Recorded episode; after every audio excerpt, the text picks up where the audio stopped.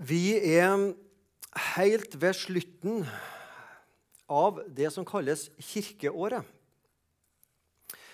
Kirkeåret følger ikke kalenderåret. Kirkeåret ligger ca. en måned tid på forhånd. Vi starter med første søndag i advent. Det er faktisk neste søndag. Utrolig, men det er sant. Og Da er siste søndagen altså før første søndag i advent, da, det er å markere avslutning på kirkeåret. Og Alle søndagene har sine navn. Og Denne søndagen har en av de på utgangspunktet liksom minst positive navnene. For Den kalles domssøndagen. Men den kalles også Kristi kongedag. Det høres litt bedre ut. Men uansett hva vi kaller denne søndagen, bibeltekstene som er satt opp, de møter oss med et alvor. Så I dag skal vi ta fram en eh, av de alvorlige tekstene som er satt opp for denne søndagen. Og Det er fra Matteus kapittel 25, vers 1-13. Og så Nå har jeg vært ansatt i misjon i lenge. Så jeg skriver jo ned liksom, hva jeg preiker, og hvor jeg preiker. Og så skriver jeg frampå liksom, arkene mine hvor jeg har brukt talene hen. Så måtte jeg se på denne talen fra Matteus 25. Når preiker jeg om det sist? Og Det var på en siste søndag i eh, kirkeåret i Misjonssalen i Langgata i 2012. Så det er ni år siden. Så jeg tenkte på meg selv, Det er ikke ofte jeg har tatt fram den bibelteksten her. Nå kan det være at andre det, har gjort det i løpet av disse ni åra, men jeg tror likevel mitt poeng her er det er viktig at vi av og til stopper for de alvorlige bibeltekstene. For det er tross alt en god del av dem. Og Jesus vil oss noe godt med dem. Det er jo poenget. Jesus vil ikke noe vondt med disse bibeltekstene. Men han vil si oss noe godt, og da må han av og til bruke alvor. Det vet du som mor og far når du av og til må ta ungen litt fatt. Det er ikke fordi du vil være slem ungen, men du vil, du vil noe godt. Og av og til må vi på en måte bli irettesatt. Ok, bare det som en innledning og en bønn før vi leser teksten. Kjære Jesus, vi skal lese en tekst som du sjøl sa. Om disse ti brudepikene der fem eh, var smart, eller iallfall gjorde noe lurt, og fem eh, ikke tok det så nøye med kristenlivet. Så får du adressere denne teksten og denne talen inn i hver enkelt av oss sitt liv, sånn at det får virke sånn som du vil det, Jesus. Til tukt og trøst, sånn som du vil. Amen. Vi leser altså Matteus kapittel 25, vers 1-13. Da Legg merke til ordet 'da'. Det skal vi komme tilbake til. Da skal himlenes rike være å ligne med ti jomfruer som tok lampene sine og gikk ut for å møte brudgommen. Men fem av dem var uforstandige, og fem var kloke. De uforstandige tok lampene sine, men de tok ikke med seg olje. Men de kloke hadde også tatt med seg olje i kannene sammen med lampene sine. Da det dro ut før brudgommen kom, så slumret de alle inn, og de sovnet. Men midt på natten så lød det et rop. Se, brudgommen kommer, gå ham i møte. Da våknet alle jomfruene og gjorde lampene sine i stand. Men de uforstandige sa til de kloke.: Gi oss av deres olje, for våre lamper slokner. Lampene våre slokner. Men de kloke svarte, nei, det ville ikke bli nok både til oss og til dere. Gå heller til dem som selger, og kjøp til dere selv. Mens da de fem var borte for å kjøpe, så kom brudgommen. Og de som var rede, gikk inn med ham til bryllupsfesten. Og døren ble stengt. Til sist kom da også de andre jomfruene, og de sa, 'Herre, Herre, lukk opp for oss.' Men han svarte og sa, 'Sannelig, det sier jeg dere, jeg kjenner dere ikke.' Våg derfor, for dere, troende i Misjonssalen 2021, kjenner verken dagen eller timen. Har du gått i kirke og bedehus og lest i din bibel i mange år, så vil jeg anta at denne lignelsen er kjent. Du har sikkert hørt om den, preika om den før, eller sikkert lest den. Og Den kommer altså til oss med et, egentlig et ganske alvorlig budskap, folkens. Denne fortellinga ble ikke sagt av Jesus for at vi skal vurdere hvem det er som blir med, og hvem det er som ikke blir med. Det er heller ingen matematisk formel at hvis du har ti stykker, så er fem rede og fem ikke rede. Liksom eh, Ja Sorry. Ikke sant? Det er jo ikke sånn at vi kan begynne å dele inn menigheter etter en viss prosent. Hovedpoenget hos Jesus er å si noe om tilstand blant de troende i tida rett før Jesus kommer igjen. Tror du Jesus kommer igjen? Ja. Tror du Jesus kommer igjen i dag? Jeg tror ikke det, men det kan godt hende han gjør det. I alle fall, Vi vet ikke når, så vi må alltid være rede. Denne bibelteksten snakker om den farlige ventetida. Lignelsen ønsker å rive oss kristne ut av likegyldighet vekke oss opp av åndelig sjølsikkerhet og et falskt sjølbedrag. Men så sier også Jesus det var noen som var rede. Det var noen som var klar, dem som venta på Han med gudsfrykt og forstand. Lignelsen ønsker å få oss å bli bevisst hva vi kan og hva vi må gjøre for å vite at vi er blant de fem som kommer frelst hjem. Til bryllupsfesten, til den himmelske gleden. Da skal himlenes rike være å ligne med ti jomfruer.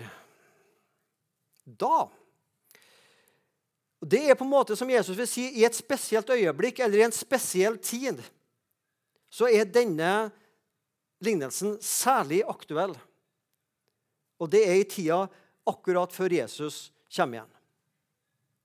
Og igjen det venta man på i år 500, det venta man på i år 1000, på Luthers tid i 1500-tallet, og vi venter det i dag. Det er iallfall én ting som er sikkert. Vi har aldri vært nærmere enn i dag. Men vi vet ikke når. Og Derfor skal vi alltid være rede. Da skal himlenes rike være å ligne med tilstand blant oss som bekjenner oss som kristne i tida rett før Jesus kommer igjen. Ingen kjenner dag eller time, og derfor må vi være beredt og våke. Hos alle fire evangelister, Matteus, Markus, Lukas og Johannes, så snakker Jesus om himlenes rike, eller Guds rike. Matteus han skriver himlenes rike, mens de tre andre han skriver Guds rike. Det er der Gud bestemmer, der Gud er herre. Bryllupsbildet møter oss ofte i Det nye testamentet. At Messias, bruden, brudgommen, skal møte menigheten, sin brudgom, sin brud.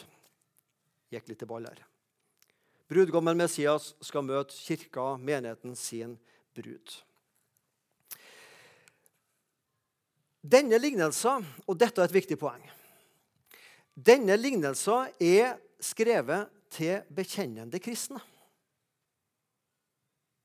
De som ikke bryr seg om Jesus, de som hater Jesus, de som ikke vil ha noe med han å gjøre, er egentlig denne lignelsen uvedkommende. Når Jesus her snakker om fem kloke og fem uforstandige, så skal ikke vi tenke ja, de fem kloke er de kristne, og de fem uforstandige er de som ikke bekjenner seg som kristne. For det er ikke der skillet går i denne lignelsen. Den går midt iblant oss som bekjenner oss som kristne. For alle gikk ut og venta. En ikke-kristen går ikke ut og venter på Jesus. Det var alle som trodde de tilhørte Gud og bekjente seg som kristne, som gikk ut. Og der gikk skillet.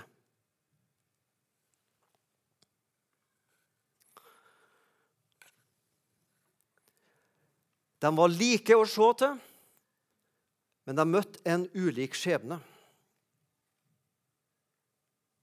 De gikk i samla flokk for å møte brudgommen. De hadde alle med seg lamper. Alle venta med lengsel på brudgommen skulle komme. Alle var med i menigheten. Alle hadde navn av å leve som kristne.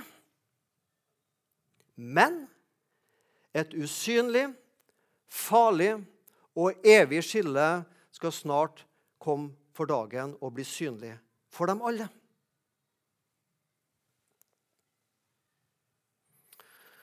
Sjøl om de ti brudepikene i det aller meste altså var like å se til, så gikk det et avgjørende skille mellom dem.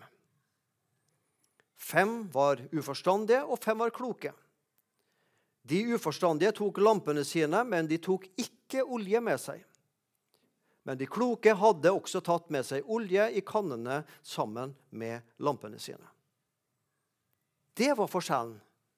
Noen hadde tatt med seg noe ekstra. Det var den eneste forskjellen. Det var ikke at de fem kloke hadde var mer klok, hadde mer IQ. Det var ikke at de levde bedre. Det var ikke at de hadde en høyere kristen bekjennelse eller las mer i Bibelen. Eller, ikke sant? Men de hadde med seg noe ekstra som de andre ikke tok med seg. Der lå forskjellen. Altså Forskjellen ligger på det indre plan, sånn at det ikke er IQ og kunnskap det er snakk om, men det er å ha med seg olje på lampa, etterforsyninga. De fem klokes kristenliv var prega av gudsfrykt. De tok det nøye med det vi ikke kan unnvære. De andre tok ikke så nøye med det som var viktig. Klokskapen består i å ta det nøye med det vi ikke kan unnvære. For de kloke tenkte denne muligheten det kan jo drøye før Jesus kommer igjen. Og dermed kan våre lamper komme til å slokne. De uforstandige de bekymra seg ikke for dommen eller tilstand i sitt eget gudsliv. Folkens, kan det være sånn Nå stiller jeg et retorisk spørsmål, og du skjønner svaret. Kan det være sånn at de av oss som bekjenner oss som kristne, som egentlig ikke har noen grunn til å frykte fordi vi er frelst Vi går rundt og frykter dommen. Mens de av oss som bekjenner oss som kristne, som virkelig har grunn til å frykte, frykter ingenting.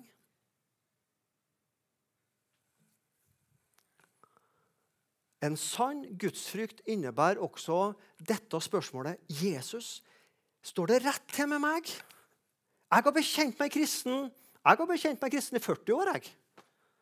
40-årsjubileum i høst siden jeg begynte å si at jeg vil tro på Jesus. Ja, Men lever jeg med Jesus i dag? Bor han pinnsida? Hvis han kommer igjen i kveld, er jeg klar? Det er det Jesus vil sette ditt fingeren på.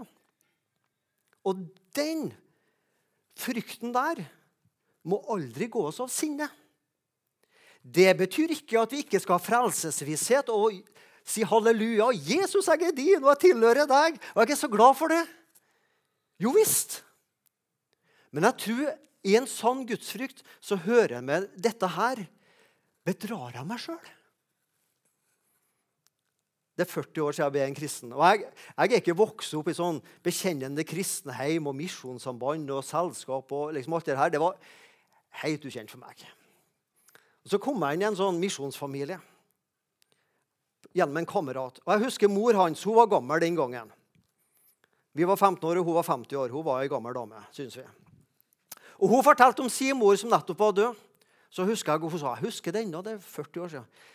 Mor mi på dødsleiet, sa hun. Det, var, det som bekymra mest, det var at, at, jeg ikke må ha bedratt meg sjøl. Jeg hadde jo aldri hørt sånn kanonspråk før, så jeg skjønte ikke hva det betydde. vet du, men det skjønte jeg jo etter hvert. da. Men det var frykten for å ha bedratt seg sjøl gjennom et helt kristenliv. Og så er det denne balansen mellom altså å ha en sann gudsfrykt om jeg bedrar meg, Og det å ha en frelsesvisshet Yes, jeg tilhører Jesus. Jeg skal være med han. En god balanse der, folkens.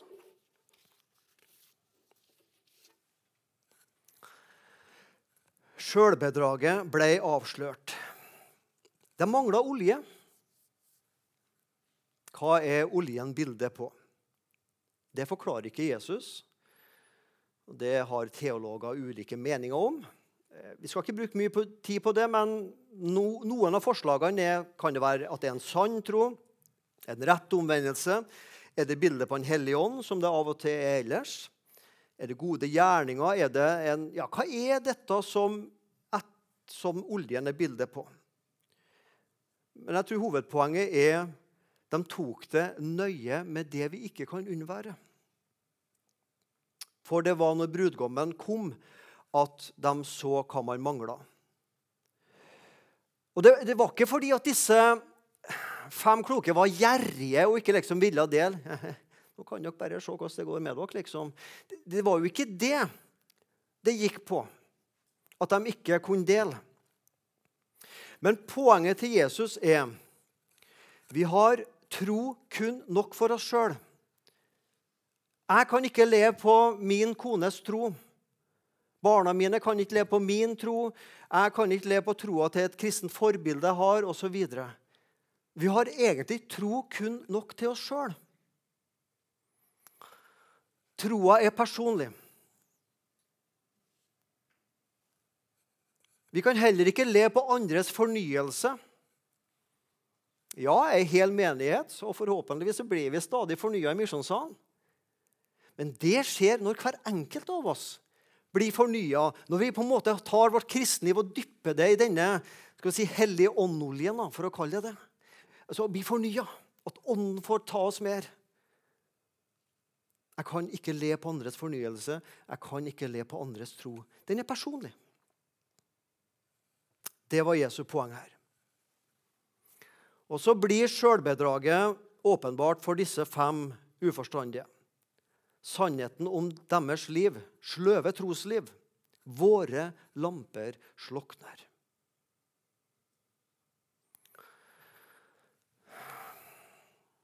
Johannes' åpenbaring møter vi sju sendemenigheter. Og flere av dem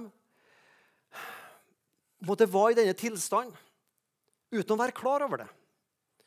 Efesus, Sardes, Laudikea De trodde det sto så godt til. Ja, men vi er jo en suksessmenighet. Her, det er jo flott, det er jo gode gjerninger, det er tro, det er det ene og det andre. Og så visste de ikke at det sto verre til enn det de trodde. Jesus kom med sannheten om deres liv. Våkn opp! Får de høre egentlig mer eller mindre alle menighetene i Johannes' åpenbaring.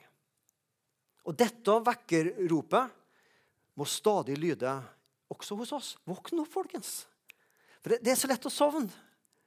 Jeg våkna i morges, hadde god tid til jeg skulle på møte. Ja, bare litt. Og Så begynte jeg å drømme, og så tok jeg meg akkurat i det jeg begynte å drømme. Nå begynner du å drømme, jeg, nå må du våkne her. Så ikke du sovna, for jeg hadde jo skrudd av vekkerklokka. ikke sant? Det er så lett å sovne. Og du kjenner deg igjen. Ja, iallfall gjør jeg.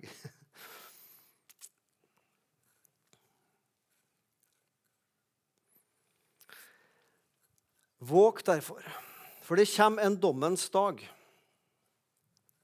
Dere kjenner verken dagen eller timen. Ved dommen vil menneskesønnen Jesus sette et skille, et evig innenfor og utenfor.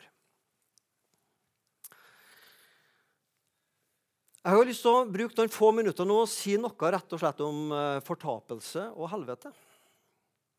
Det er heller ikke ofte jeg preker om jeg sa det var 2012 sist jeg tok fram denne teksten.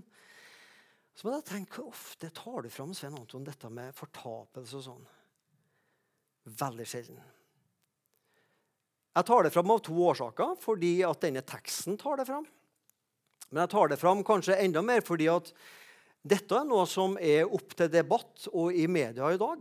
Hvis dere følger med i Dagen og Vårt Land, så vil dere se at dette med fortapelsen har vært diskutert i det siste, og til og med vært på NRK. Med ujevne mellomrom så dukker denne debatten om finnes helvete. Eller finnes det ikke? Og det ikke, når det dukker opp disse debattene, så er det ikke fordi at noen har satt seg ned og, og i utgangspunktet kikka på bibeltekster og begynt å analysere dem. Men ofte så skyldes det at det kan være noen som sier de har opplevd forkynnelse kanskje i sin ungdom som de opplevde skremmende. Og som et godt voksent menneske så, så bærer man på noe ennå som ikke er så godt. Og så blir det en, gjerne en mediesak av det. Så denne debatten om helvete den, eh, ja, den dukker opp med ujevne mellomrom. Og Dere som er en del år eldre enn meg, husker kanskje tilbake i alle fall ettervirkningene av Ole Hallesby sin preken i 1953 på NRK. Da var det helvetesdebatt, så det virkelig gikk hett for seg, bokstavelig talt, i Norge i 1953 og tida etterpå. Så nå var det opp igjen i media for en måneds tid siden. Og en av biskopene i Den norske kirke ble intervjua på NRK om temaet. Og Der sa biskopen følgende jeg, Og nå siterer jeg henne. Jeg tror jeg må si det så tydelig som at dette, altså helvete, er en forestilling vi har forlatt. Jeg tror jeg må si det så tydelig at dette, helvete, er en forestilling vi har forlatt. Altså Denne biskopen mener at Den norske kirke ikke lenger tror på eller skal lære at det fins noe konkret fortapelsens sted. Og Etter denne um, uttalelsen så ble det da en del skriverier i både Dagen og Vårt Land. Fins helvete? Eh, ordet 'helvete' fins egentlig ikke i Nytestamentet. Eh, det fins et annet ord som vi oversetter med 'fortapelsen'. Men ordet 'helvete' kommer egentlig av norrønt. Hel er underverdenen, og viti er straff. Hel viti er straffen i underverdenen. Så akkurat begrepet 'helvete' er ikke i utgangspunktet bibelsk. Men fortapelsen er det bibelske ordet som brukes. Men uansett hva slags ord vi setter på denne tilstanden, så sier Bibelen at det fins to utganger av jordelivet. Etter døden går vi enten til himmelen og lever evig sammen med Gud, eller vi blir kasta i fortapelsen og må tilbringe evigheta i et sted med pine og straff.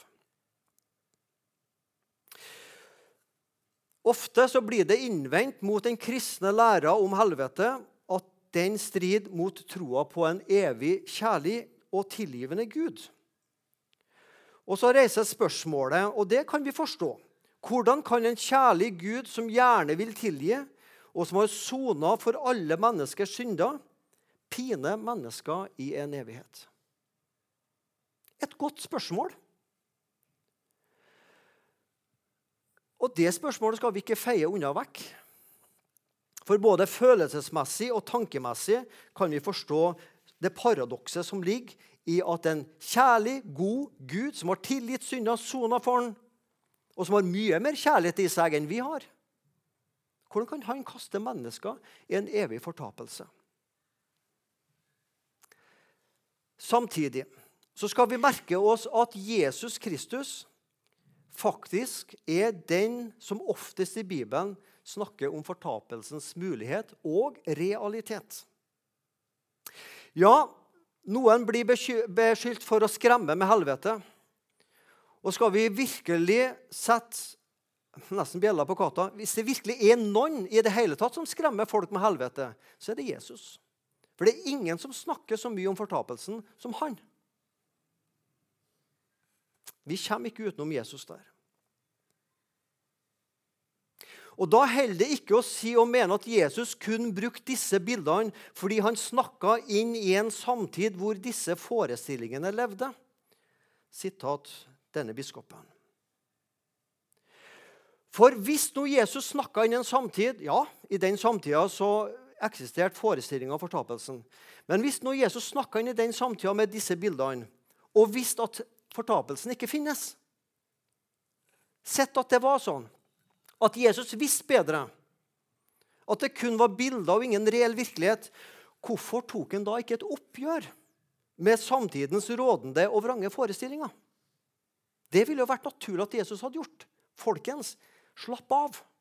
Alle blir frelst til slutt. Det er bare bilder. Ikke noe sted i Det nye testamentet tar verken Jesus eller noen av apostlene oppgjør med læra om at det fins en evig fortapelse for dem som ikke tror på Jesu frelse. Vi bruker å si det sånn at det fins tre posisjoner når det gjelder fortapelsen. Den ene er den som er veldig tradisjonell da, i si, bedehussammenheng, sånn som oss. En himmel og en fortapelse. Og at fortapelsen er et virkelig sted, og den er evig. Det andre synet som på, jeg merker vinner terreng hos mange, det er ja, himmel. ja. Og hvis det er en fortapelse, så er det en utslettelse. Altså Mennesker som ikke tror på Jesus, vil bli utsletta, og så er det stopp der. Sånn at evigheten er egentlig bare en himmel, og de som ikke kommer til himmelen, blir utsletta. Og Den tredje posisjonen, som også er på vind terreng, kaller vi for universalisme. Universalisme. Og Den går ut på følgende Jesu Kristi død på korset oppstandelse er så sterk, og Jesus har tilgitt all synd, at til slutt så vil alle bli frelst. Uansett hva du tror, uansett hvordan du har levd, så vil alle bli frelst. Til og med bin Laden og Saddam Hussein og Hitler vil bli frelst fordi at Jesu frelsesverk er så sterk. Universalisme. Og Dere vil fort skjønne hvor jeg har havnet hen, og hvor vår organisasjon hen, havner hen. Vi er på det tradisjonelle synet at det fins en evig himmel og en evig fortapelse. Jeg skal ikke bruke så mye mer tid på, dit, på dette med fortapelsen, men jeg ville ta det fram fordi at Jesus snakker en del om det. Og det er en del av vår bekjennelse. Og når noen i dag med teologiske titler står fram og sier at nei, det fins ikke helvete, så snakker man mot den bekjennelsen som er i sitt eget trossamfunn. For tilhører man i hvert fall et luthersk trossamfunn, så har vi noe som heter Confessio Augustana, som ble laga for en 500 år siden. Og Der skriver man ved verdens ende skal Kristus komme for å dømme. De ugudelige mennesker og djevelen skal han dømme til å pines uten ende. Og En annen felleskristen bekjennelse som heter athanasium en sånn språklig C-moment å si athanasium. Der står det sånn Når han kommer Jesus kommer igjen og de som har gjort godt, skal gå inn til evig liv, men de som har gjort ondt, til den evige ild. Dette er grunnlagsskriftene for de fleste kirkesamfunn i verden.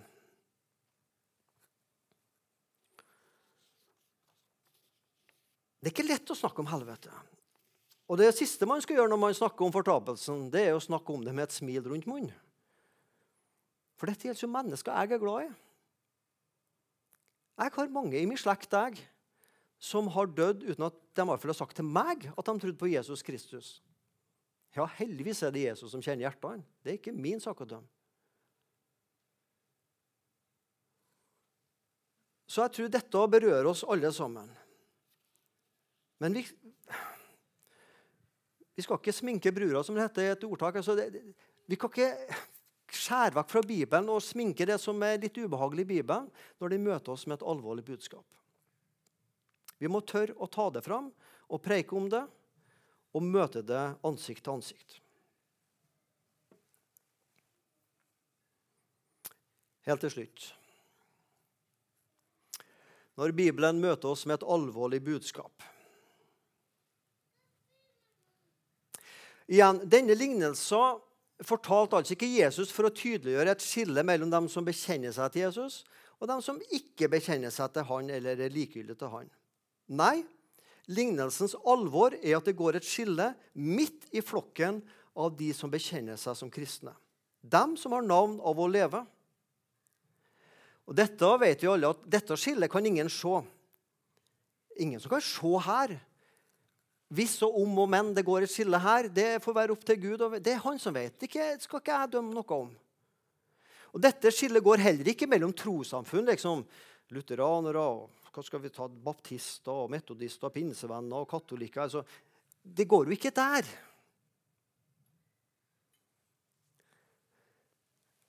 Men det som gjør det faktisk enda mer alvorlig, folkens, det er at dette skillet det går inni meg, og det går inni deg. Midt i meg så går det et skille. Hva mener jeg?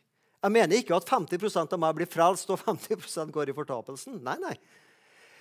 Men den holdninga som preger disse fem kloke og disse fem uforstandige, den kjenner jeg igjen i mitt hjerte. For jeg har også lyst til å ta det enkelt med troa av og til. Minste motstands vei og ta det litt enkelt og noen snarveier her og der. Og, nei, kan det være så alvorlig? Trenger jeg å bekymre meg? Herlighet, jeg har jo til og med betalt for å være en kristen. Meg må det jo stå bra til med. Midt i meg så kjenner jeg dette skillet. For det er noe i meg som drar meg mot også de fem uforstandige. Ta det enkelt. Ikke så nøye. Det går bra. Og lar jeg denne holdninga få styre troa mi, da vil jeg gradvis miste av syne nødvendigheten av å leve i fornyelsen. Stille, men sikkert, så kommer likegyldigheten snikende, og den åndelige søvn overtar. Folkens, sover vi, eller venter vi? Nå står det i bibelteksten at alle disse ti sovna. Og Noen da tenker at ja, det betyr at i den siste tid så vil det bli en stor sløvhet over alle kristne, sånn at alle kristne sovner. Jeg tror ikke det er det Jesus vil si. Men Jesus vil si dagene går sin gang. Vi går opp, står opp, vi arbeider, og vi legger oss og sover. Vi lever dagene våre. Søvn og hvile og arbeid og fritid. Og vi veit ikke når han kommer. Også i den tid vi er minst beredt, kanskje på natta, så er Jesus der. Jeg tror det var det som var Jesu poeng med at alle ti sovna. Positivt. Jeg har jo lyst til å avslutte denne talen positivt, så ikke legge et altfor tungt alvor over oss. Men et lite alvor bør det sannelig ligge over alle oss. Men positivt vil jeg si den av oss, de av oss, og jeg håper det er alle, som er denne fare bevisst og kjenner på dette Gud, er jeg blant dem som bedrar meg sjøl? Gud, er jeg blant dem som bekjenner deg, men lever i en åndelig søvn? De av oss med denne fare bevisst, så er det gode nyheter. For da er vi klar over faren, og vil være enda mer på alerten på at Jesus vil komme igjen, og at vi vil være med han. Da på en måte dypper vi vårt trosliv i Den hellige ånd, så at Den hellige ånd stadig fornyer oss og får ransake våre hjerter. Ransak mitt hjerte, ånd, om jeg er på den rette vei eller på den gale vei, og fører meg på den rette vei. Salme 51, er ikke det? Jo, jeg tror det. Står det om det i Salme 51. Ransak meg, Gud, og kjenn hvor jeg er igjen. Kjenner du på dette i ditt liv og ditt hjerte, så er det gode nyheter. For da er det Den hellige ånd som jobber i deg for at vi ikke skal sovne. Det er jo de gode nyhetene. Det er mulig å være våken i møte med den siste tida når Jesus kommer igjen. Hellig ånd, jobb i mitt hjerte. Vik ikke fra mitt hjerte. Vær i vår menighet, jobbe blant oss, sånn at vi er våkne. Og vi som er våkne, jeg håper jeg er blant dem, vi skal få møte ei åpen dør. Ennå står døra åpen til himmelen. Ennå er det mulig å komme inn også for den som lever et sløvt trosliv. Og døra står åpen for alle som lever med Jesus Kristus. Den frelsesvissheten har jeg ingen ønske om å ta fra deg. Men jeg ber deg å ta med deg fra denne talen min denne dobbeltheten. Ja, jeg kjenner Jesus, jeg er frelst, og det vet jeg. Jeg bekjenner Han. Jeg bekjenner synd når jeg skjønner det er nødvendig. Og jeg merker at Gud jobber i meg. Ja. Men også kan det være at jeg er på vei inn i en åndelig sønn. Ha med deg begge disse tankene. Det klarer til og med vi menn å ha disse to tankene i hodet samtidig. Jeg har lyst til å be en bønn til avslutning. og Jeg vil bruke litt tid nå. da. Vi skal la det bli litt stilt. For dette er jo tross alt et alvorlig budskap som Jesus preker til de troende. Jeg har nå lyst til å be om at Den hellige ånd får vise hver enkelt av oss hvor vi er, og hva vi eventuelt må justere. Herre Jesus, jeg har lyst til å takke deg for at Matteus ikke redigerte bort denne fortellinga, men at han lot den stå. Takk for at den har kraft til å tale til oss 2000 år etterpå. Om et alvor i møte med dommen. Jeg ber for meg, jeg ber for alle her i misjonssalen, barn, unge, voksne, eldre. At vi må være våkne. At dette er en forsamling du kan riste i om nødvendig, sånn at vi holder oss våkne og ikke havne i en åndelig søvn. Og Så ber jeg Jesus at du må styrke frelsesvissheten i oss. Denne gleden over at vi tilhører deg. Vissheten om at vi er dine, og du vil være vår. Og at det kan vi leve på. Det kan vi dø på. Herre Jesus, hjelp oss å balansere dette, dette riktig. Jeg har lyst til å takke deg for at din frelse, din korsdød, din oppstandelse har kraft i seg til å gjøre noe med oss i dag. Og den har kraft i seg til å gjøre noe med oss helt til du kommer igjen. La oss som sitter her, være blant de fem kloke som går inn til bryllupsfesten og skal få delta med den med glede i all evighet.